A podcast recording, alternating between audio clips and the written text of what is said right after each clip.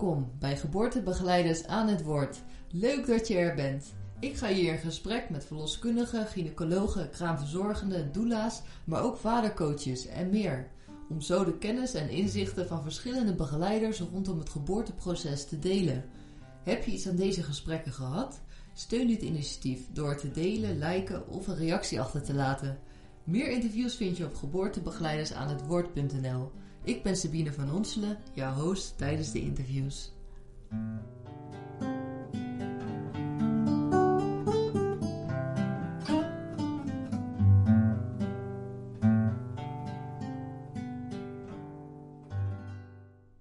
Claudia van Wezel is een natuurgeneeskundige therapeut en zwangerschapsdocent. Zij is met name gespecialiseerd in darmtherapie en kan ons veel vertellen over microbirthing en wat te doen bij een keizersnede, zodat je toch kan zorgen voor een goede opbouw van het immuunsysteem van je kind.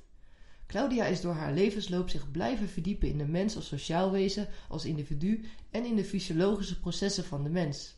Dit is onder andere te zien aan de vele studies die zij heeft gevolgd. Te beginnen met een proppenduizen in psychologie, vervolgens een doctoraal behoud in culturele antropologie aan de Universiteit Utrecht in 1991. Daarna heeft zij een vierjarige opleiding psychosociaal lichaamsgerichte therapie gevolgd. Tot slot studies in ortomoleculaire geneeskunde en darmtherapie. In haar praktijk De Groeisprong begeleidt zij mensen met name met darmklachten, rugklachten en begeleiding rondom het geboorteproces. Zij heeft door haar achtergrond een holistische benadering ontwikkeld op gezondheid. In het interview zullen we het vooral hebben over de invloed van voeding en leefstijl rondom het geboorteproces, waarin zij op een heldere manier uitlegt hoe je je darmflora goed op peil kunt houden en waarin dit allemaal kan bijdragen voor, tijdens en na de zwangerschap.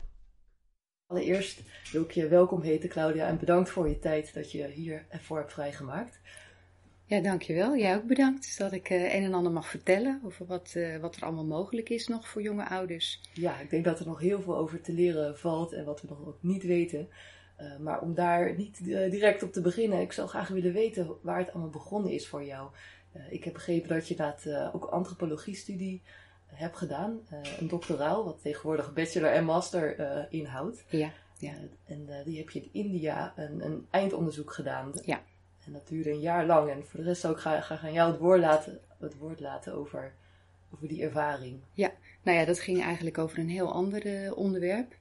Uh, ik heb daar uh, onderzoek gedaan naar de sociaal-culturele positie van Tibetaanse nonnen.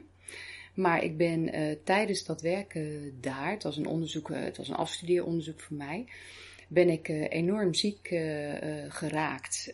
omdat ik bij de nonnen in een klooster zat. Zij leven onder hele primitieve omstandigheden, hebben zelf nauwelijks te eten. Nou, de hygiëne is gewoon slecht. Dus ik ben daar behoorlijk ziek geworden. Um, ik heb allerlei infecties gehad, voedselvergiftigingen. nou, noem het maar op. En um, nou, toen ben ik natuurlijk ook een beetje op zoektocht gegaan. Ik had mij vooraf had ik me heel erg goed voorbereid. Ik had uh, van Nederland uit uh, toch een aantal antibiotica-kuren meegenomen. Uh, een aantal andere middelen. En uh, ja, toen ik daar zat, toen vond ik niet dat ik daar nou verschrikkelijk veel baat bij had. Oh, heel dus, heftig trouwens tussendoor hoor. In een vreemd land alleen. Ja. waar niet te veel gezondheidszorg in, in, bereikbaar is, zeg maar. Nee, klopt. Ik moest ja. heel veel zelf uitzoeken. Maar het leuke daarvan was, ik ben uh, zowel naar een, uh, een Ayurvedische kliniek uiteindelijk geweest in India. En ik ben uh, naar een Tibetaanse arts gedaan. Dus ik, ben, ik heb wat pilletjes en dingetjes gehad vanuit de Tibetaanse geneeskunde. Ja, en dat deed mij veel meer goed dan dat antibioticum. Toen um, kreeg ik op een gegeven moment contact met een, uh, een, een, een, rondreizende therapeut. Ik weet niet eens meer wat hij precies deed. Maar uh, die hielp mij aan een tip over uh, knoflook en over ginseng. En daar heb ik ook heel veel baat bij gehad. En nou, zo is die belangstelling een beetje gegroeid, zeg maar. Ja, dus waarvoor je in eerste instantie kwam, dat werd eigenlijk al daarin geswitcht of omge, omgedraaid naar een andere directie. Of heb je nog wel je onderzoek verder? Ja, absoluut. Ik heb het ja. onderzoek afgemaakt en uh, ik ben daarop ook uh, afgestudeerd. mijn richting was dan ideologische systemen binnen de antropologie. Nou, daar kan ik eigenlijk nog steeds uh, binnen mijn werk heel veel mee. Maar er zit niet direct dat, dat gezondheidsaspect in. En dat ben ik daarna veel meer gaan oppakken. Want ja, als je dan terugkomt in zo'n hele heftige periode uit India, dan ben je in Nederland niet in één keer meteen beter. Ik ben toen echt een zoektocht gestart met wat kan ik dan nog? Nou uh, ja, huisarts kon mij geen antwoorden daarin geven. Ik ben ook uh, zelfs toen nog bij het havenziekenhuis geweest in, in Rotterdam. Nadat ik daar zelf eigenlijk behoorlijk op aangedrongen had en de huisarts onder druk gezet. Nou, uiteindelijk stond hij dat dan toe dat ik een doorverwijzing kreeg. En uh, ook daar hebben ze me door de mangel gehaald. En ja, wisten ze, hadden ze eigenlijk geen antwoorden. Wat voor klachten had je? Uh, vooral uh, maag-darmklachten. Uh, ja, en in mindere mate huidklachten. En dat zijn eigenlijk ook dingen um, ja, die ik nu zelf behandel al een flink aantal jaar. Ja, ja ik ben zelf ook in India geweest. Ook aardig, heel erg ziek geworden. En ben ik ook naar een Ayurvedische therapeut uiteindelijk geweest in de kliniek.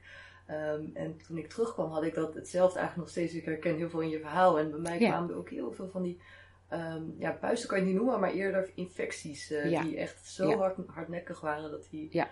Nou, dat, dat zie je dus heel vaak, hè? want ik zeg tegen cliënten ook altijd: dat wat je op de huid ziet, is eigenlijk al in het tienvoudige of het honderdvoudige in je darm aanwezig. Hè? En je darm uh, en je darmslijmvlies bepalen voor, een heel, bepalen voor een heel groot deel hoe je huid eruit ziet. En heel vaak is het zo dat mensen die bijvoorbeeld een parasitaire belasting hebben, die krijgen huidklachten. Ja, dus het, het is niet zozeer meteen uh, ja, kijken waar, waar, waar is de ziekte of, of het probleem, zoals dan in huidklachten, maar dat gaat dus veel verder. Dus je eigenlijk naar de wortel kijken en dat bevindt zich dan in de darmflora. En, ja. En wat, wat, was, was dat voornamelijk de eye-opener voor jou in India? Of was er nou, dat, dat kwam eigenlijk pas jaren later, zeg maar. Dus ik ben daar een heel pad in uh, gaan volgen mijn rode lijn in mijn leven is eigenlijk altijd geweest: waarom doen mensen wat ze doen? Nou, zo ben ik vanaf de middelbare school ben ik aan een psychologiestudie begonnen. Uh, dat vond ik veel te veel hoge torenkamertjes psychologie. Ik had destijds leefde Piet Vroon nog. Dat vond ik een enorme inspirerende docent. En dat was eigenlijk een van de weinig inspirerende docenten die ik destijds in mijn studie ben tegengekomen, helaas. Dus ik ben na een jaar psychologie ben ik overgestapt naar culturele antropologie. Omdat ik ook dacht van ja, die psychologie is allemaal leuk en aardig. Maar een mens leeft niet op een eiland. Een mens leeft in een maatschappij, eh, is een sociaal wezen. Is, daar zijn nog veel meer dingen eh, die ik uit wilde vinden, die ik wilde onderzoeken. Toen deed ik antropologie. Toen miste ik toch de psychologie. Want ik dacht, ja, hè, wat er dan allemaal uh, in het innerlijk van die mens gebeurt, dat vind ik toch ook wel heel interessant. Dus ik dacht, waarom doe ik het niet beide? Nou heb ik geen, uh, ja, tegenwoordig heb je uh, de, de minor en, en de major, hè, dan kan je als, maar dat was er nog niet toen ik studeerde. Dus ik dacht, waarom probeer ik niet mijn eigen pad daarin te volgen? Dus wat ik gedaan heb, ik, heb, uh, ik ben binnen de uh, antropologiefaculteit gebleven, maar ik heb eigenlijk mijn eigen pad uitgestippeld. Dus ik moest iedere keer toestemming gaan vragen of ik bepaalde onderdelen wel mocht doen. Nou goed, dus me uiteindelijk allemaal gelukt. En uh, zo heb ik dus die, die psychologie, heb ik eigenlijk binnen de antropologie weer naar binnen gehaald. En ja, en daar ben ik uiteindelijk, op die manier ben ik uiteindelijk afgestudeerd.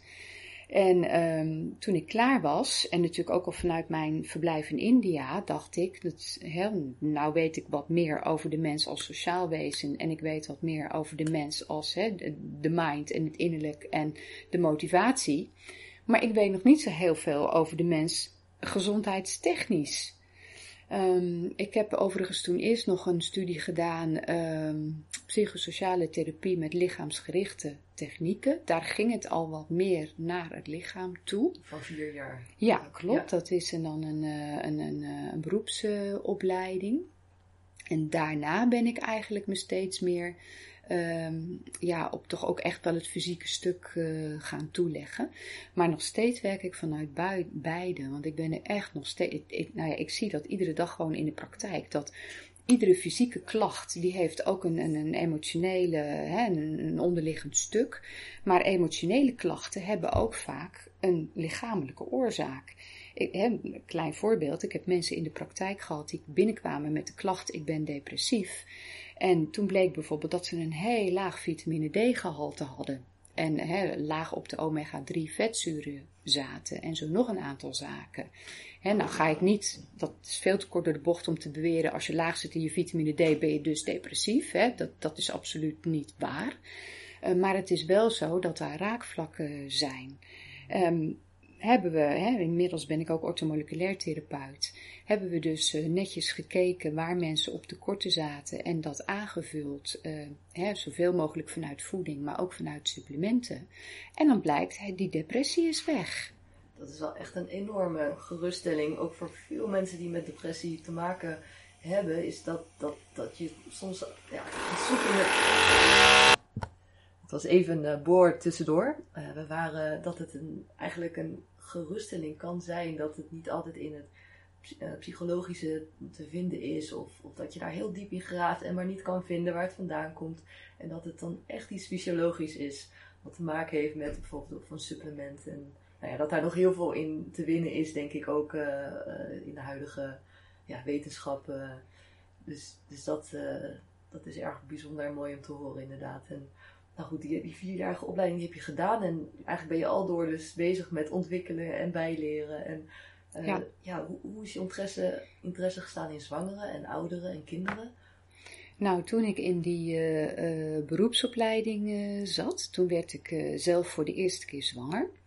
En um, ja, omdat ik nog niet helemaal hersteld was, was dat toch een zwangerschap met behoorlijk veel klachten ook. En ik merkte gewoon, daar had niemand een antwoord op. En wat ik ook. Als, uh, klachten, wat kunnen we voorstellen? Uh, ik, was, ik was ontzettend uh, moe. Ehm, ik kreeg weer mijn, mijn buikklachten terug. Ehm, ja, ik had eigenlijk een, een terugval, zeg maar. En wat ik toen ook merkte was dat ehm, mensen heel erg terughoudend waren met behandelen tijdens de zwangerschap. En zo heb ik dat zelf ook in van mijn, in een van mijn eerste opleidingen heb ik dat ook geleerd. Hè? Van met masseren bijvoorbeeld. Ja, een zwangere ga je niet masseren, want misschien doe je dingen verkeerd. En, hè, en eh, steeds is het ook nog zo dat tijdens de zwangerschap uh, ja, vindt men het ethisch niet verantwoord om allerlei onderzoeken te doen. Ook niet naar suppletie en dergelijke. Dus dan wordt er heel vaak wordt er eigenlijk het advies gegeven uh, voor bepaalde zaken van nou, hè, niet tijdens de zwangerschap en niet tijdens borstvoeding. En ik dacht van ja, dat is toch eigenlijk heel erg raar. Want het is juist heel erg prettig, lijkt mij, voor hè, als je zwanger gaat worden, zwanger bent of net na de zwangerschap. Um, um, ja, dan kunnen er wat, wat klachten zijn. En dan is het toch prettig als daar manieren voor zijn om dat uh, te behandelen, om dat te ondersteunen. Dus ik ben toen eigenlijk een soort uh, zoektocht uh, gestart. En ik heb gekeken bij um, alles wat ik tot dan toe aan kennis en kunde had ben ik gewoon eigenlijk systematisch gaan kijken. En stel je nou voor dat iemand zwanger is, kan ik dat dan ook nog toepassen? Kan ik daar nog wat mee? Nou, en zo ben ik weer verder gerold, want ik vond dat zo'n ontzettend leuk stuk. En ik, uh, ja, destijds had ik zelf natuurlijk ook in de, in de leeftijdsfase dat je heel veel uh, zwangeren en kinderen om je heen ziet. En ja, zo werkt dat dan. Hè? Op het moment dat je zelf zwanger bent, dan zie je ineens overal mensen met dikke buiken en kinderwagens lopen. Gewoon omdat je, ja, je gezichtsveld is veel meer daarop uh, gericht. Nou, zo ging het bij mij ook. Mhm. Dus toen ben ik erin gedoken. En met wat voor soort problemen kon je toen nog, nog niks, of in die tijd? En kan je nu dat wel aanpakken of verhelpen? Of ja, nou, ik heb een, een aantal uh, verhalen van mensen hebben dan wat meer indruk op mij uh, gemaakt. Ik had bijvoorbeeld een, uh, een keer een mevrouw die kwam destijds bij mij voor voetreflexmassagebehandelingen. En die had hele moeilijke zwangerschappen en die had bij de bevalling bijvoorbeeld heel veel bloed verloren. ook infuus gehad. En die knapte daar maar niet van op. En uh, nou ja, dat zou ik nu heel, uh, heel prima kunnen behandelen. Hè? Als je ervan uitgaat dat je dus op het moment dat je veel bloed verliest, dat je ook allerlei stoffen verliest die in het bloed zitten. En dat het dus ook uh, belangrijk is bijvoorbeeld om mineralen en dergelijke aan te gaan vullen. Hè? Of om sowieso eens een keer goed te kijken van, goh, hoe zit iemand in de vitamines en de mineralen? En, en hè, waar heeft iemand niet voldoende van? Om weer goed aan te kunnen sterken. En hoe kom je daarachter? Meten meten is weten, wat mij betreft. ik meet zelf ook een, een heleboel. ik kan bijvoorbeeld bloed prikken in de praktijk, maar ik stuur ook mensen regelmatig in voor bloedonderzoek. ik werk heel veel met ontlastingsonderzoek. vanuit ontlasting zijn ook heel veel factoren die je kan meten. En die eigenlijk, hè, daar, daarmee werk ik dan ook met de darmtherapie, die eigenlijk een heel verhaal over iemand vertellen. Mhm. En ik, ik werk met vragenlijsten, want ja, uh, onderzoeken kosten geld.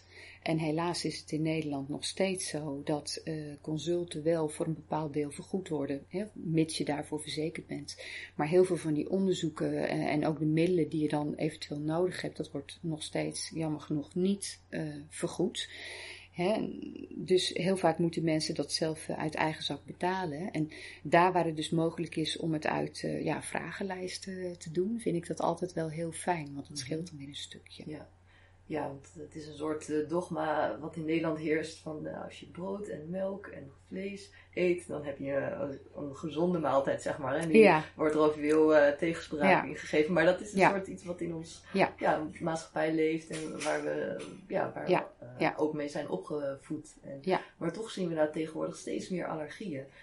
waaronder ook onder baby's en vrouwen. En dat is ook een veld waar jij veel mee bezig bent. Zou je ons daar wat meer over Klopt. We zijn eigenlijk vaak groot geworden met allerlei marketing slogans die gewoon niet kloppen. Die, die zijn ontwikkeld om er geld aan te verdienen en niet omdat ze gestoeld zijn op, uh, op waarheid. En het is in. Het is de. Het carillon.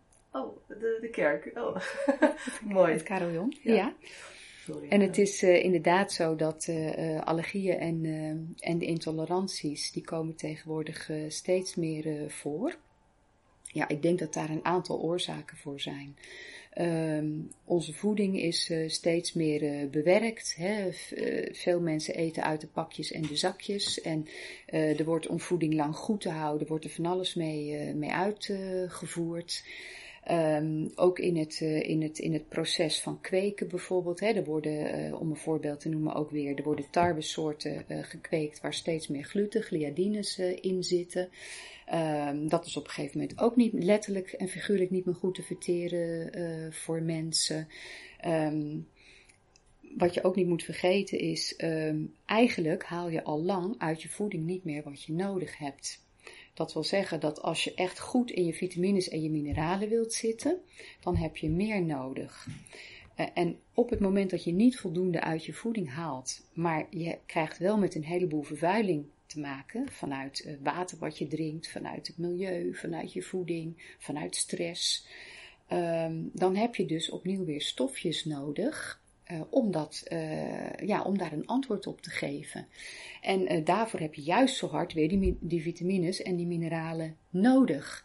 Dus, en die krijg je dan al minder dan eigenlijk de bedoeling zou zijn binnen. Dus er ontstaan tekorten. Er ontstaan bij heel veel mensen ook tekorten. Wat ik bijvoorbeeld vaak zie is dat um, uh, vrouwen die zwanger willen worden, dat die al met tekorten zo'n zwangerschap ingaan. En dan zeggen we van ja, de baby pakt het op de moeder. Ja, dat klopt. Maar dan moet de moeder het natuurlijk wel hebben, anders zit het er niet. En uh, het is, ik vind dat jij als moeder, uh, is het ook heel erg belangrijk dat jij goed uit je zwangerschap en uit je bevalling komt. Hè? En dat je inderdaad ook een beetje van je kind en van je kraamtijd kunt uh, genieten. En niet platgeslagen moe bent en denkt, hoe moet ik verder? Ja, dat, eigenlijk zitten ook enorm veel hormonen. Uh, of de, de, die worden daardoor uh, onder andere aangemaakt in de, bijvoorbeeld serotonine. Wat zorgt voor, voor blijdschap. En bevindt zich in de darmflora daarin. En dus is, is dat ook de reden, zeg maar, waarom je bijvoorbeeld inderdaad te, te neergeslagen kan voelen? Of nou, het wordt mede ook door uh, darmbacteriën verder omgezet. Dus die vervullen daar een, ja, zeg maar een rol in dat, uh, in dat proces. Ja, mm -hmm. en het is dus inderdaad zo dat als je darmflora dan niet goed op orde is, ja, dan kan je van van alles last krijgen. Van, ja. van, van uh, buikklachten, maar ook van huidklachten bijvoorbeeld. Maar ook van ja, je minder happy en tevreden voelen met hoe je leven loopt. Ja, dus alleen het foliumzuur slikken van, van de kruidvat bijvoorbeeld, dat is volgens jou niet voldoende tegenwoordig. Nee, nee, nee, nee. Wat zou je kunnen aanraden of adviseren op dat gebied? nou, wat, wat ik zelf eigenlijk uh, zou willen aanbevelen is dat als je nou zwanger wilt gaan worden, dat jij samen met je partner, hè, een kind groeit uit twee mensen, uh, daar waar dat mogelijk is, dat jullie dan allebei in ieder geval zo'n maand of drie van tevoren uh, starten met gezonde voeding, eventueel een aantal supplementen, in ieder geval een goede multi. Let op je vitamine D, let op je omega-3, let op je vitamine C. Vitamine C fungeert als een katalysator, hè? Een, een, een stofje wat zorgt dat processen makkelijker en sneller gaan in, voor een heleboel processen in je lichaam. Ja, en dan gaan eigenlijk de, de huidige adviezen, hè, het huidige advies is natuurlijk wel van, ja, uh, stop met roken, eet gezond. Uh, dat gaat mij eigenlijk nog lang niet ver genoeg. Ik denk het zou, het zou mooi zijn om uh, nog wat meer in te zoomen en te kijken waar zitten werkelijk tekorten, hè, wat gemeten wordt, waar zitten mogelijk tekorten en daarop in te gaan werken. Mhm. En als ik hier bijvoorbeeld de de, de stellen dan uh, in de praktijk uh, heb, dan vertel ik ook aan de heren dat hè, het is ook belangrijk dat jouw sperma van goede kwaliteit is. En daar heb je dan zo'n maand of drie voor nodig uh, om daaraan te werken. Met bijvoorbeeld extra omega-3, extra carnitine, extra zink, extra selenium. En dat is allemaal gewoon hè, uit onderzoek naar voren gekomen. Um, wat voor uh, hè, positieve werking dat, uh, dat kan hebben, wat voor ondersteuning dat kan bieden. Dus het is niet alleen de vrouw, maar ook de, de partner. Zou daar het nodige op moeten doen. En ja, wat ik net al aangaf, meer dan alleen stoppen met roken. Ja. En uh, een man en een vrouwenlichaam die zit ook behoorlijk anders in elkaar. Uh, alleen al het hormoonbalans is, is verschillend. Uh, en natuurlijk heb je ook nog individuen. Maar als, als we het even wat algemeen houden, mm -hmm. zal je aan een man iets anders meegeven dan aan een vrouw? Ja. En, en waar zit dat verschil in? Wat zou bijvoorbeeld een man meer kunnen doen en wat zou een vrouw meer kunnen, kunnen innemen of, of eten? Of uh, ja, nou ja, wat, ja, dan gaan we heel specialistisch op allerlei stofjes uh, uh, in. Hè. Ik noemde net voor de mannen al de, de, de carnitine bijvoorbeeld. Voor beide geldt de omega-3 vetzuren, voor beide geldt vitamine D, voor beide geldt vitamine C. Maar je hebt tegenwoordig, je hebt echt op, op mannen afgestemde goede multiformules waar dan uh, heel specifiek uh, voor de man van alles in zit. Mm-hmm. En hè, dat, is, uh, dat is niet zomaar iets wat, wat die fabrikant leuk heeft zitten mengen, maar dat is echt op basis van, van wetenschappelijke onderzoeken. Mm-hmm. En tijdens de zwangerschap zijn er bepaalde klachten waarmee voeding ook een rol kan spelen om dat te verminderen of te verzachten, waar vrouwen mee te maken kunnen hebben? Nou, ik denk dat, um, ja, even heel in het algemeen, uh, een kindje uh, bouwt op uit jouw lichaam als, uh, als moeder. En dus is het in, in heel, heel erg breed en algemeen is het belangrijk om goed voor jezelf te zorgen. En um, wat ik toch wel vaak zie in het Nederlandse eetpatroon, en dat zie ik ook bij de, bij de jonge kinderen als de mensen bij me komen. Hè, ze moeten dan een voedseldagboekje inleveren. Is dat mensen nogal uh, fors op de zetmeelrijke koolhydraten zitten. En uh, vaak nogal arm op de, op de goede eiwitten bijvoorbeeld en op de goede vetten. Mm -hmm. En daar is heel veel uh, winst op te behalen. Als je al ervoor zorgt dat uh, door de dagen heen dat je wat minder suiker binnenkrijgt. Hè, je mag best, als je een zoete kou bent, mag je af en toe wat zoetigs. Maar doe dat dan door een, bijvoorbeeld een dadeltje toe te voegen. Hè? En, en, en niet door uh, bijvoorbeeld een frisdrank te drinken waar uh, tien suikerklontjes per glas uh, in zitten. Dat soort zaken. Hè? Dus daar zijn ook wel hele grote nuanceverschillen. En um, ook wat ik merk, hè, mensen zitten toch vaak twee keer per dag op de, op de boterham. Dan denk ik van ja, eet eens vaker een, een, een, soep of pak eens vaker een salade in plaats van die eeuwige boterham. Of als je dan toch graag je boterhammetje hebt, uh, maak het dan zelf. Maar uh, maak dan je eigen granenmix. Uh, ik heb een jaar of twee geleden daarover een, een e-boekje geschreven, samen met een collega ook. En um, uh, waarbij we dus mensen eigenlijk, hè, we geven ook lekkere recepten zodat je kan gaan uitproberen. Maar we leren je ook om zelf die, uh, die mixen te maken. Hè, en om juist ook in dat brood allerlei goede stoffen toe te voegen. En niet altijd en eeuwig maar die tarwe en allerlei dingen die eigenlijk geen andere functie hebben dan jou een goed smaakgevoel te geven. maar die meer hè, vulling zijn in je maag in plaats van voeding, concreet. Ja, en eerder suiker. Veel verkeerde suikers die ervoor zorgen dat de, de, de bloedsuikerspiegel echt enorm gaat fluctueren door de dag heen. Ja, dus en, eerder honger ehm, krijgen weer. Eerder honger krijgen weer, meer direct in vet omzetten, omdat je lijf al die suiker niet kan verwerken. Ehm, ja, hè, dat, dat geeft niet alleen de, de bekende kuppen soepdip. Uh, de hongerdips, maar dat geeft ook uh, de mood swings vaak. Want als jij suikerspiegeling, als je suikerspiegel de hele dag heen en weer gaat van de ene naar de andere kant, um, dan ben je meestal ook emotioneel niet echt lekker in balans. -hmm. Nee, daar kan jij niks aan doen. Dat is het, het, voedsel of het lichaam inderdaad wat het veroorzaakt. En, ja. Ja. Ja, ja, ja, ja, en als je dan om hem maar eens een voorbeeld weet te noemen, zo het verkeer ingaat dan is dat uh, niet zo prettig voor je medeweggebruikers. Ja, en uh, ook al de hormoonschommelingen tijdens de zwangerschap zijn al heftig of kunnen heftig zijn. Uh, dus in dat ook opzicht kan het nog een extra ja, dus geven. Juist tijdens een zwangerschap is het heel erg goed voor je lijf hè, om, om, om die suikerbalans zo, zo goed mogelijk te houden wat meer eiwitten, wat minder die zetmeelrijke koolhydraten. En vooral groente, groente, groente. He, groenten zijn eigenlijk onze, onze superfoods. Dus wat ik mensen dan vaak laat klaarmaken is bijvoorbeeld een soep. Want dan kan je lekker eh, met de staafmixer op die groentes. He, heel veel groenten erin verwerken ook. Um, bouillonnetje erbij. Heel veel dames die uh, schieten tekort op de mineralen en de sporenelementen. En um, ja, um, ik ga er zelf van uit dat dat een van de oorzaken is die medeleidt tot al die bekkenklachten. Echt waar? Ja. En uh, daar kun je bijvoorbeeld hè, met de. Uh, ik, ik, kom even niet op de Nederlandse term, maar met de, de bone broth, hè, de, de, de, de, getrokken bouillon, nou, de bottenbouillon, de bottenbouillon. Um, hè, kun je al veel beter. Uh, ja, uit beenmerg, klopt. Ja. kun je al veel beter op dat soort stofjes bijvoorbeeld uh, aanvullen. En dat, uh, dat is tijdens de zwangerschap is dat helemaal prima. En wat is de relatie met bekkenklachten en voeding, uh, mineralen en, en spoorelementen? Wat je nou ja, dat heb je natuurlijk nodig ook om je, je botten, je lijf gewoon in zijn totaliteit goed te voeden. En um, het, het, lichaam werkt zo dat het altijd um, eerst de stoffen stuurt naar die processen die het meest essentieel zijn.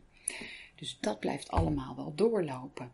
Maar als jij niet voldoende hebt, dan ontstaat er dus op andere fronten ontstaat er een, een tekort met alle klachten van die. Ja, haaruitval, nagels, uh, broos. Broze uh, nagels, ja, ja, moeheid. moeheid dus heel is, veel moeheid. Heel ja, lastig ja, ja. te halen vaak. Ja, ja, ja, ja, ik krijg ontzettend veel mensen binnen met ja, hè, al een scala aan klachten, maar die vermoeidheid die zit er bijna altijd bij.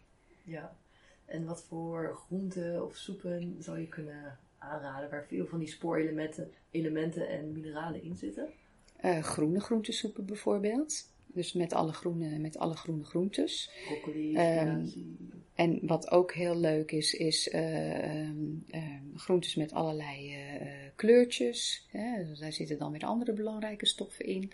Eigenlijk geldt alle groenten zijn goed. En het is vooral belangrijk om ook heel goed um, uh, te variëren, zeg maar. Zodat je over de hele breedte alles uh, voldoende binnenkrijgt.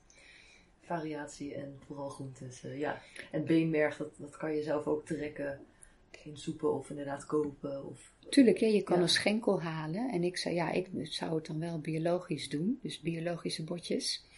En uh, die dan uh, flink laten trekken, zeg maar, daar je eigen bouillon uit, uh, uit maken.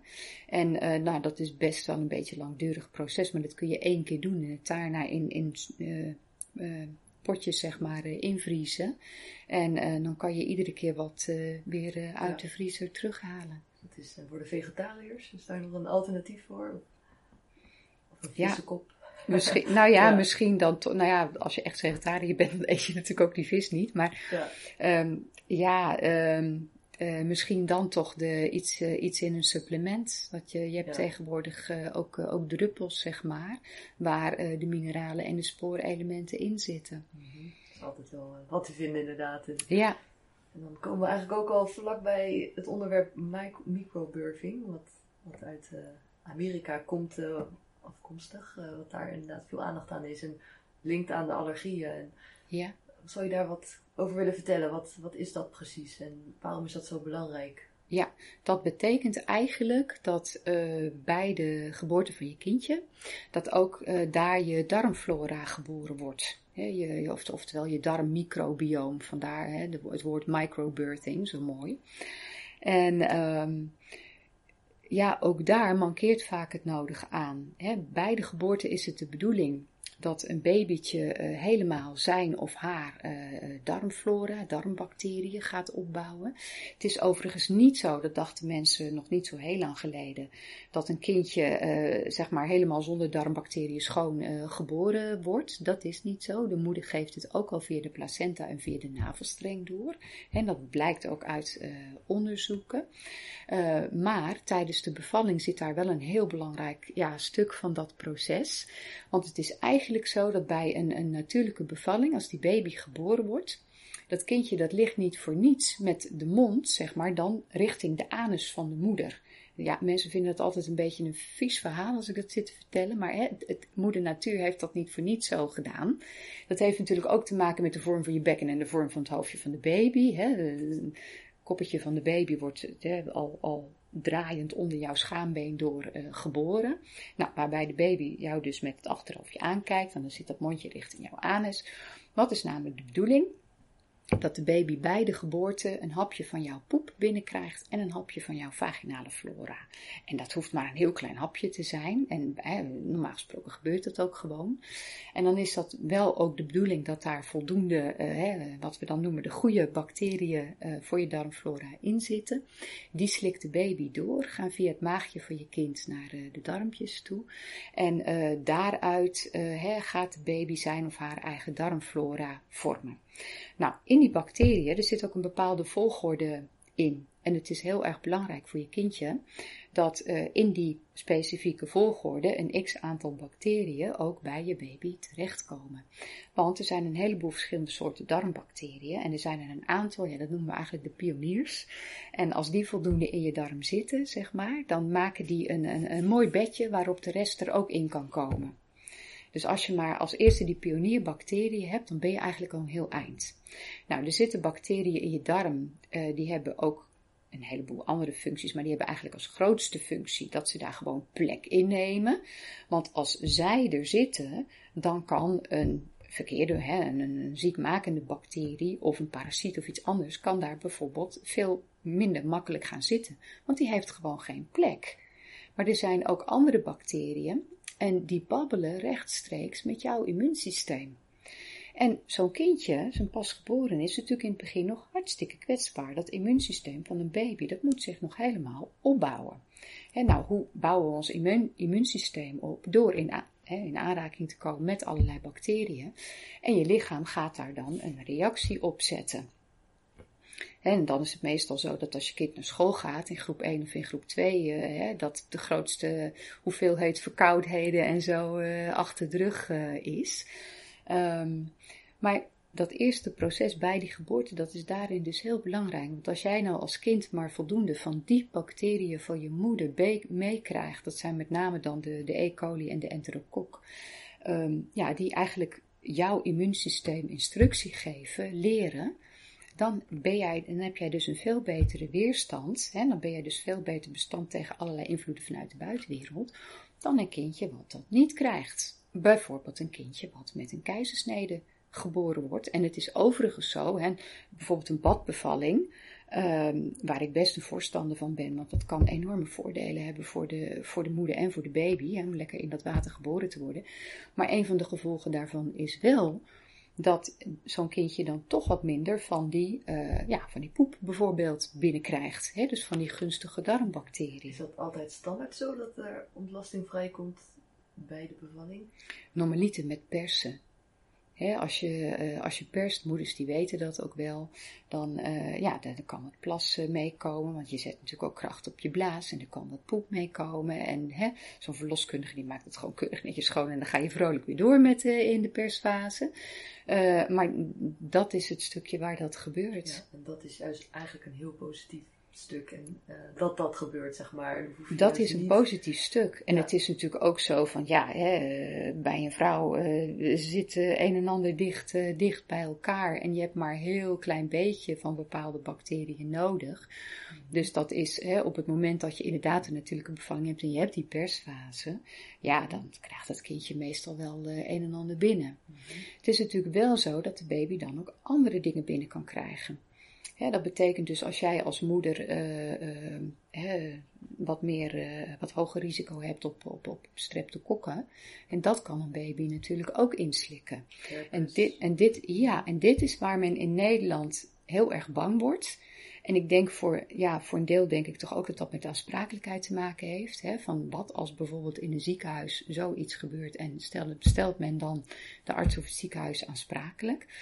Ik heb in de praktijk bijvoorbeeld een aantal dames uh, begeleid um, die uh, dan bijvoorbeeld bij, bij een eerste kindje um, te maken hebben gehad met een streptokokkeninfectie, hè, waarop antibiotica zowel voor de vrouw als voor de baby ingezet moet worden met alle gevolgen van dien.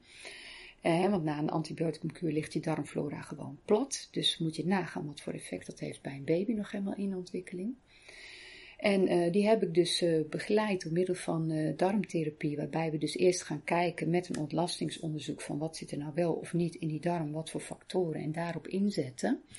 En, en het gaat eigenlijk altijd om balans. Dus de truc is dan om te proberen die balans naar de goede kant door te laten slaan. En zoveel uh, goede bacteriën in die darm te krijgen en goede immunologische factoren dat dat lijf zelf dus die hè, mogelijke streptokokkenbelasting uh, eronder houdt. En, het ehm, verdwijnt nooit, blijft het altijd in je lijf zitten, zo'n uh, dat een latente. Er kunnen altijd, uh, ja. de een heeft, ik zal niet zeggen dat, dat, dat iedereen overal, um, hè, dat iedereen alles heeft, maar om een ander voorbeeld te geven, misschien wat, uh, wat beter bekend, schimmels, waaronder Candida, Candida albicans ja, die leeft eigenlijk bij ons allemaal in de darmen. En die krijgen wij feitelijk allemaal op dagelijkse basis naar binnen. En zolang als die binnen bepaalde marges blijft, is dat ook het probleem niet. Maar als jouw normale darmflora omlaag gaat en je hebt geen bacteriën daar in die darm meer zitten, hè, bijvoorbeeld lactobacillen doen daar veel in, die die candida uh, binnen de perken kunnen houden, ja, dan kan je een probleem krijgen. -hmm. Ja, en borstvoeding, dat, uh, draagt ook enorm bij aan, het, eh, aan de opbouw van het immuunsysteem. Uh, ja. is, is dat niet een vervanging voor zeg maar, de, de natuurlijke bevalling waar je dus niet compleet een, verva een, vervanging, nee, dat niet. Maar via die borstvoeding draag je ook die. Ja, darmbacterie is eigenlijk een verkeerd woord dan, hè? Want het mm -hmm. zit ook op de huid en vaginale en in, de, in het blaasslijmvlies. En het zit op een heleboel verschillende plekken in je lijf. Maar ook via een moeder die dus borstvoeding geeft, die geeft met die borstvoeding mee. Naast een aantal hele belangrijke immuunstofjes, geeft ze ook een aantal belangrijke, nou, wat ik dan nog maar, toch nog maar even noem, darmbacteriën, uh, mee aan de, aan de baby. Mm -hmm. En wanneer is dit bekend geworden, dat, dat stuk dat je dat meegeeft tijdens de bevalling, zeg maar? Is dat, het klinkt bij mij nog vrij nieuw in de oren, waar meer bewustzijn over is gekomen. Ja, wanneer het echt bekend is geworden, dat, dat weet ik niet, want het is nog niet zo heel lang geleden, maar dan moet ik even diep in mijn geheugen. Ik ben, ik ben nooit zo van de jaartallen en de namen en zo, maar ik geloof dat het al rond 2014 zat, misschien nog verder terug hoor, mm -hmm. uh, dat er hele kleine berichtjes kwamen. En uh, de meeste mensen die hadden die dan dus ook prompt niet gezien. Um, over dat een kindje niet helemaal hè, zonder darmflora geboren wordt, maar dat er al wat aanwezig is. Dus ik, ik denk dat dat een beetje ja. een vloeiend proces is, uh, is geweest. Ja. En als je dus toch moet bevallen met een keizersnede, kun je daar toch nog wat meedoen op het gebied van de microburging, om dat toch mee te geven aan Ja, een, een, een heleboel. Ik, ik vind altijd van, hè, als ouder kun je de beste beslissingen nemen als je gewoon zoveel mogelijk informatie hebt. Hè, dan kan je een bewuste uh, beslissing nemen voor jezelf en voor je kind. Dus uh, ik vertel altijd dan over in ieder geval twee mogelijkheden die je hebt. De ene mogelijkheid is om je kind eigenlijk direct na de geboorte, en ja, ik zou zeggen nog op de OK het eerste spulletje erin, uh, natuurlijke darmbacteriën te geven. Dus dan heb ik het over hele specifieke probiotica. En ook daar is die volgorde weer belangrijk. dus niet zomaar een probioticum. Nee, er moet echt even wat, meer over nagedacht zijn. En uh, wat je daarnaast kan doen, en dat moet de moeder dan doen, die kan uh, zelf een vaginale tampon maken. Nou, dat is helemaal niet moeilijk.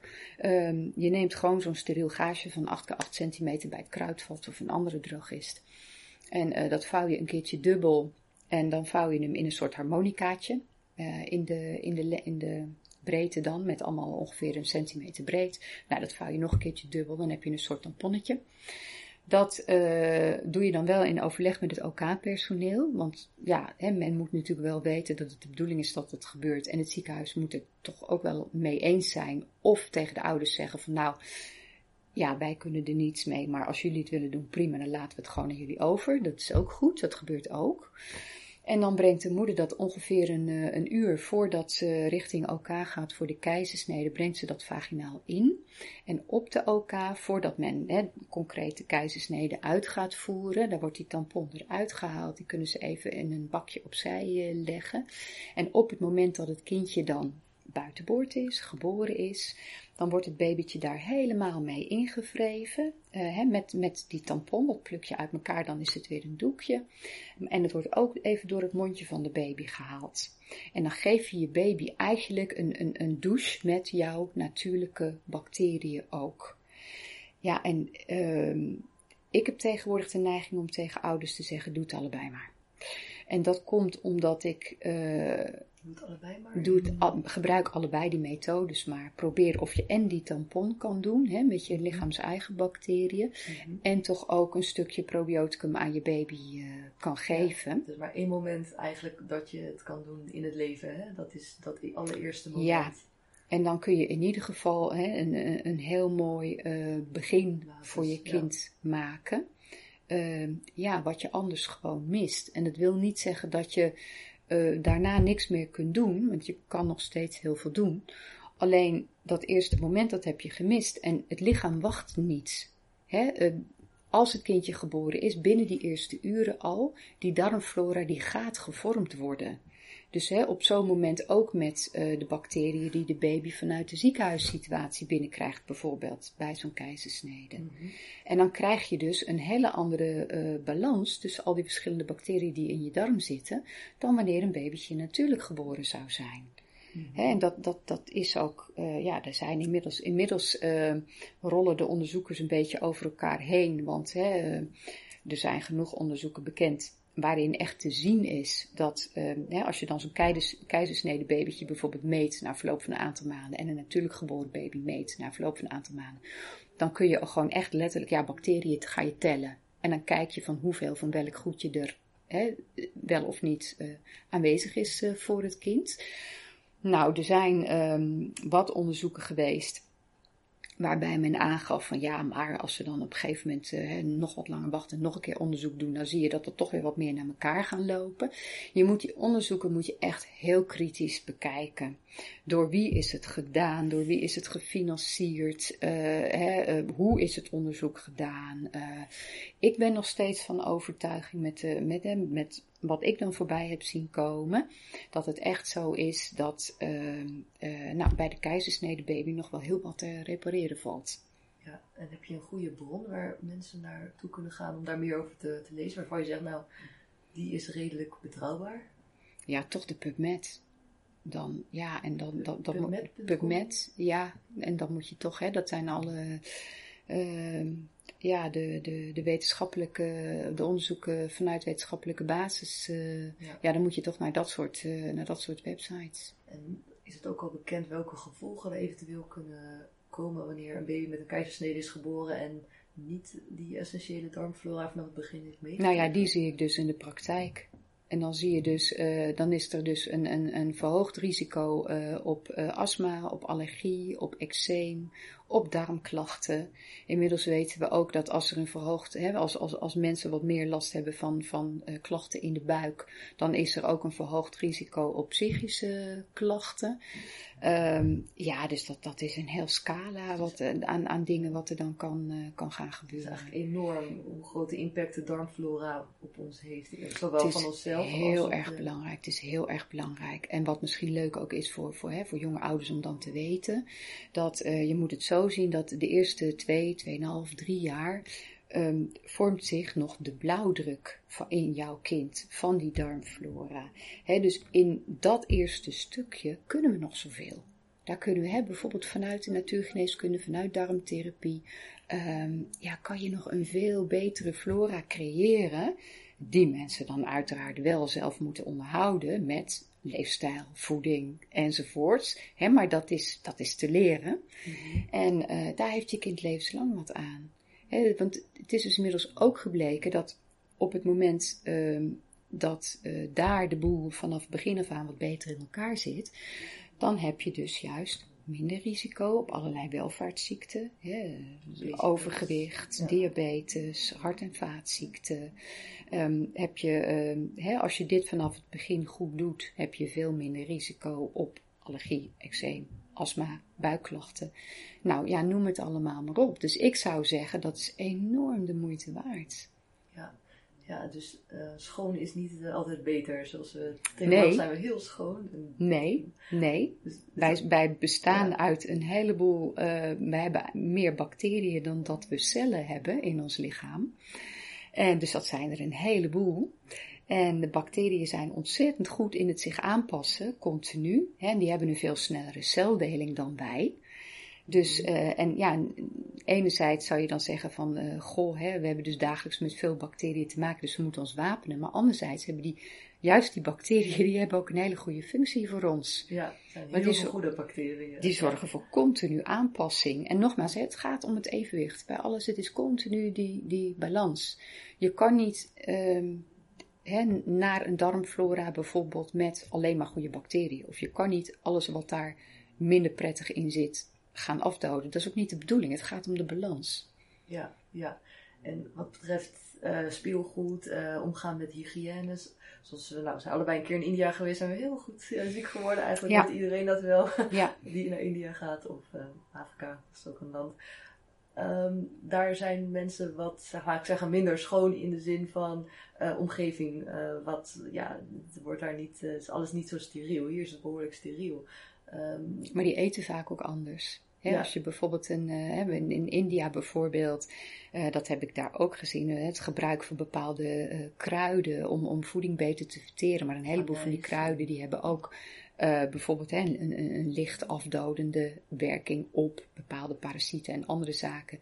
Dus daar zie je toch in de voeding uh, dat ze uh, vaak niet eens zo bewust, maar hè, als je dat goed gaat bekijken, zie je toch dat ze met de voeding al wel wat doen ook daaraan. En in India is het natuurlijk zo dat, ik moet zelf altijd nadenken, want ik ben linkshandig, maar He, met je um, um, rechterhand is je schone hand. En daar eet je mee. Ze zaten mij soms in de restaurants heel veel aan te kijken. Want ik eet dus met mijn linkerhand. Dat is niet de bedoeling. Want met je linkerhand veeg je je billen af. En met je rechterhand hou je je eten vast. Dus je ziet ook als je dan gaat kijken naar de gebruiken van een land. En um, ja, en, en je noemde net ook Afrika. Ja, Ghana is dat precies. Ik ben een aantal keer in Ghana geweest. Daar is precies hetzelfde. Je geeft alles doe je met je rechterhand. En links is een soort van hoe, ja, uh, ja, ja, die nemen mensen niet eens aan. Nee, uh, nee. Dat, dat, zit eigenlijk nee. daarin. En dat heeft de functie ook. Ja, hè? niet dat je daarmee alles kunt voor zijn, maar ja. ja, het is wel een stukje in de cultuur ook, ook ingebouwd. Uh, ja. En um, wat je ook vaak ziet is dat ze dan bijvoorbeeld veel meer vezels eten. hier in Nederland, de meeste mensen die, die eten heel erg vezelarm. En, um, dan denk je aan vezels? Maar... Ja, iedereen denkt altijd aan brood. ja. ja maar er zijn dus uh, andere, andere voedingsmiddelen waar veel meer vezels uh, in zitten. En hier gaat het ook weer om een heleboel verschillende vezels. Hè. Ik leg het altijd graag zo simpel mogelijk uit aan mensen, want ik denk van dan wordt het ook nog een beetje leuk. En dan kun je het onthouden al die darmbacteriën, die moeten gevoed worden. Dus je hebt bij wijze van spreken, je hebt, je hebt een hele dierentuin in je buik. Nou, iedereen weet dat als je naar de dierentuin gaat, de pinguïn eet niet hetzelfde als de leeuw. Nou, dat is bij die darmbacteriën ook. die hebben allemaal andere voedingsstoffen nodig, met name dan de vezelsuitvoeding.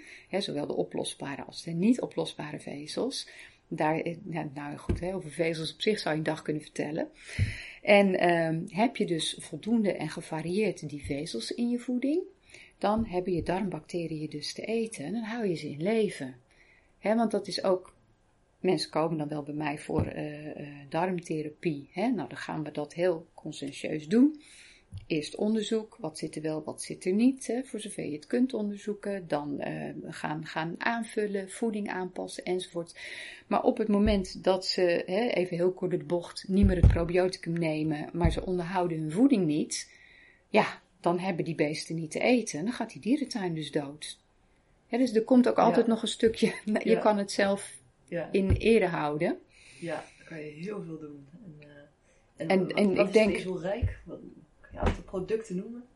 Uh, nou, uh, avocado bijvoorbeeld, pistachenootjes. Maar in, in groenten zitten natuurlijk vezels, in fruit zit vezels, in Bonen. peulvruchten zitten vezels. Hè, ja, nogmaals, in, in, in noten, in zaden. hè, ook hier, het gaat vooral weer om de variatie. Ja, inderdaad. Omdat er zoveel verschillende vezels daarin ja? zijn. Ja. ja. Ja, dus, dus inderdaad, nog even terug van nou, in India is inderdaad heel anders, kun je ook niet vergelijken. Um, zou je ook aanraden bijvoorbeeld om wat minder schoon te zijn? Ja, dat klinkt alweer wat wat erg voor, van voor ouders bijvoorbeeld met speelgoed. Uh, moeten ze dat continu afwassen bijvoorbeeld? Of is het juist goed van Ja, nou, ja en nee. De, nou ja, er zitten, er, zitten twee, er zitten twee kanten aan. Um, wat ik bijvoorbeeld met regelmaat tegenkom, is dat uh, uh, jonge kinderen allerlei parasitaire belastingen hebben. Die dus ook concreet hè, met, met on, eruit komen. En uh, ja, dan zie je toch dat hè, op school, toiletten zijn vaak niet al te schoon, uh, maar ook al op kinderdagverblijven en dergelijke, zie je toch dat er een heleboel overgedragen wordt. En ja, dat gaat me dan net weer even iets te ver, want daar kan je behoorlijk last van hebben. Ja, en dat de baby of kind, ja, hoe jonger bijvoorbeeld een baby van drie maanden is dat nog wat kritischer, denk ik, dan uh, ja. een peuter van Ja, want die, die moet nog verder uh, opbouwen. Ja. Mm -hmm. En aan de andere kant is dus juist uh, hè, wel dat in het bos rachen en in die speeltuin spelen. En inderdaad ook dat speelgoed. Ja, natuurlijk um, leren jonge kinderen door dingen hè, in hun mond te stoppen. En het op die manier ja, er vertrouwd mee te raken. En dat is juist wel heel belangrijk. Mm -hmm.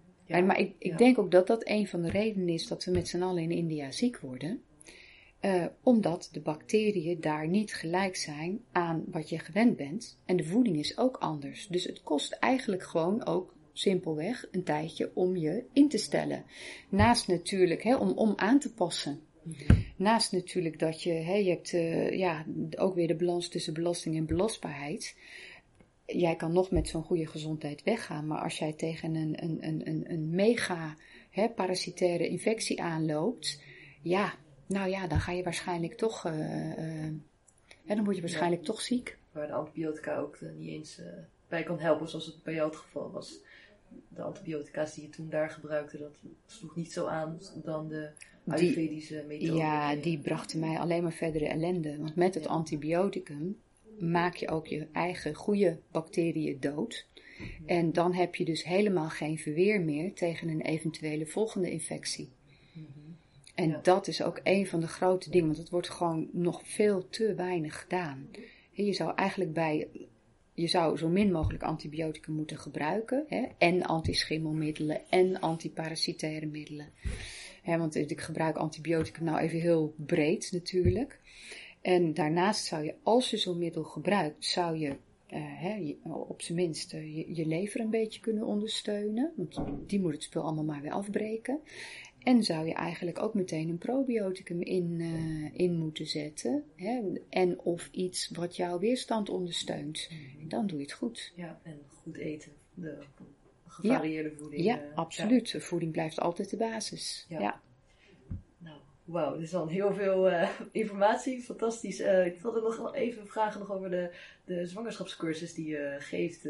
Daar ja. heb je ook al heel veel ervaring in. Ja. En ik, ik wil graag ook nog horen wat je, wat je daar zo belangrijk vindt. Of wat zou je daar ouders ja, graag in willen meegeven? Ja, nou ook daar uh, roep ik altijd, uh, uh, ik geef informatie, ik ben degene die allerlei mogelijkheden laat zien en jullie bepalen uiteindelijk zelf wat bij jullie past. Geen oude koppel is, het, uh, is hetzelfde uh en geen babytje is hetzelfde. Ik ben erg voor uh, individueel kijken. Want je kan wel van alles in gedachten hebben bijvoorbeeld en dan krijg je een hele temperamentvolle baby en dan klopt er niets meer van wat jij wilde doen. Dus je moet, je moet altijd in het individuele geval kijken. En wat ik bij mij in de zwangerschapscursussen uh, doe en ook altijd gedaan heb, zoveel mogelijk, is de partner betrekken. Dus in principe komen mensen bij mij, ja, tenzij het niet kan natuurlijk, hè, maar als het kan, dan komen ze samen. En dan is het niet zo dat de partner er een beetje bij zit van, nou, ik hoor het verhaal aan en dat was het dan. Uh, maar die wordt ook echt betrokken. En, uh, in welke opzichten kunnen we aan denken? Uh, nou ja, die, die even heel concreet. Als ik bijvoorbeeld met mensen door uh, houdingen en technieken heen ga die je bij een bevalling kan gebruiken, dan laat ik de partner zien van wat kan jij daarin doen? Wat is handig om te doen? Wat doe je beter niet? Hoe kan je ondersteunen? He, je kan soms op een bepaalde manier vasthouden. Of er zijn heel veel dingen die je als partner uh, kan doen om een, om, om een goede bijdrage te leveren. Mm zoals ik het in, de, in mijn cursussen altijd roep van de tijd dat je als partner uh, met een nat washandje het voorhoofd van je vrouw of je vriendin afveegt. Nou, dat is toch wel een beetje voorbij. Nou ja, de partner moet het ook zelf willen natuurlijk. ik, ik, ga, ik probeer altijd, ik vertel mijn verhaal, maar ik probeer wel ook uit te gaan van wat mensen daarin zelf willen. Vind ik heel belangrijk. Mhm. Individueel kijken en, en hè, zoveel mogelijk vrije keuze. Mhm. Ja, je bent ook bij een aantal bevallingen geweest. Uh, zelf heb je het ook, ook ervaren. Je hebt twee eh, kinderen, wat je me vooraf vertelde. Ja, en, ja. Uh, is er een bevalling waarvan je die je goed is bijgebleven, waarvan je denkt, dit, dit vond ik zo mooi of bijzonder of indrukwekkend. En wat was daar zo ja, ja, ja, indrukwekkend aan? Ja. nou ja, met name een keertje een, een, een, een bevalling en de, de persfase daarvan, zeg maar.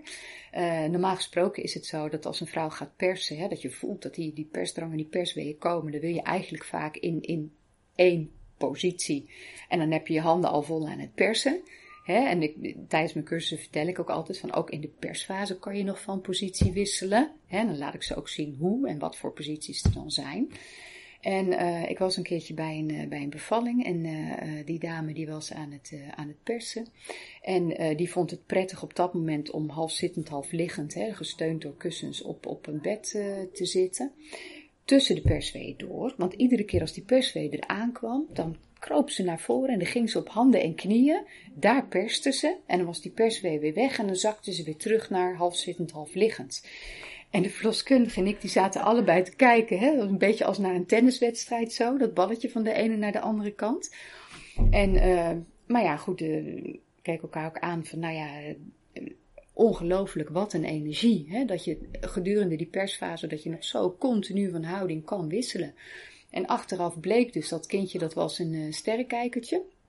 Dus die lag niet helemaal in een, uh, in een ideale positie om geboren te worden.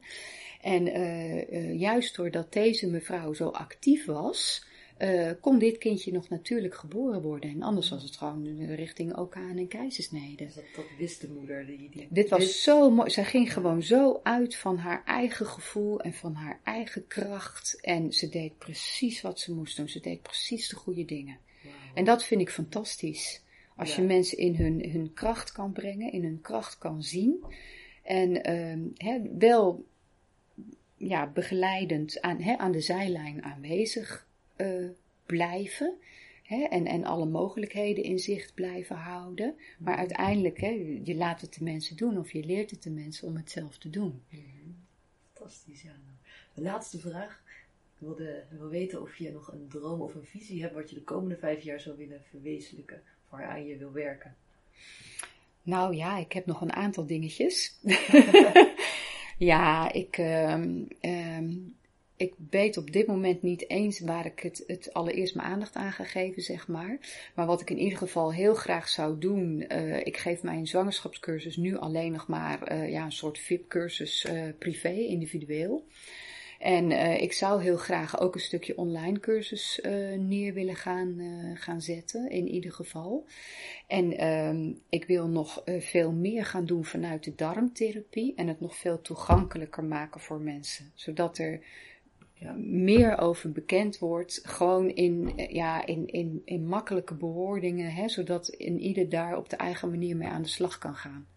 Nou, dat is ontzettend mooi en ik geloof dat er nog heel veel in te winnen is. En bewustzijn over mag komen. nou, ik wil je ontzettend bedanken voor dit interview. Het is heel leerzaam geweest en, en, en mooi en inspirerend. En voor de mensen thuis die dus uh, meer willen weten ook over anders eten, dus die veel allergieën hebben, dan zou ik inderdaad het boek willen aanraden Puur Genieten, wat als e-book wordt, uh, wordt te krijgen is op, op jouw website. Ja dat, is, ja, dat is dan meer voor de recepten en dergelijke bij de allergieën, maar je kan nog veel meer doen als je allergisch bent. Ja, inderdaad. En er is ook heel veel informatie op jouw website te vinden en, en links naar andere weer websites, dus dat is een bron van goede kennis en informatie. Dus ontzettend bedankt. Ja, dankjewel ook. Ja.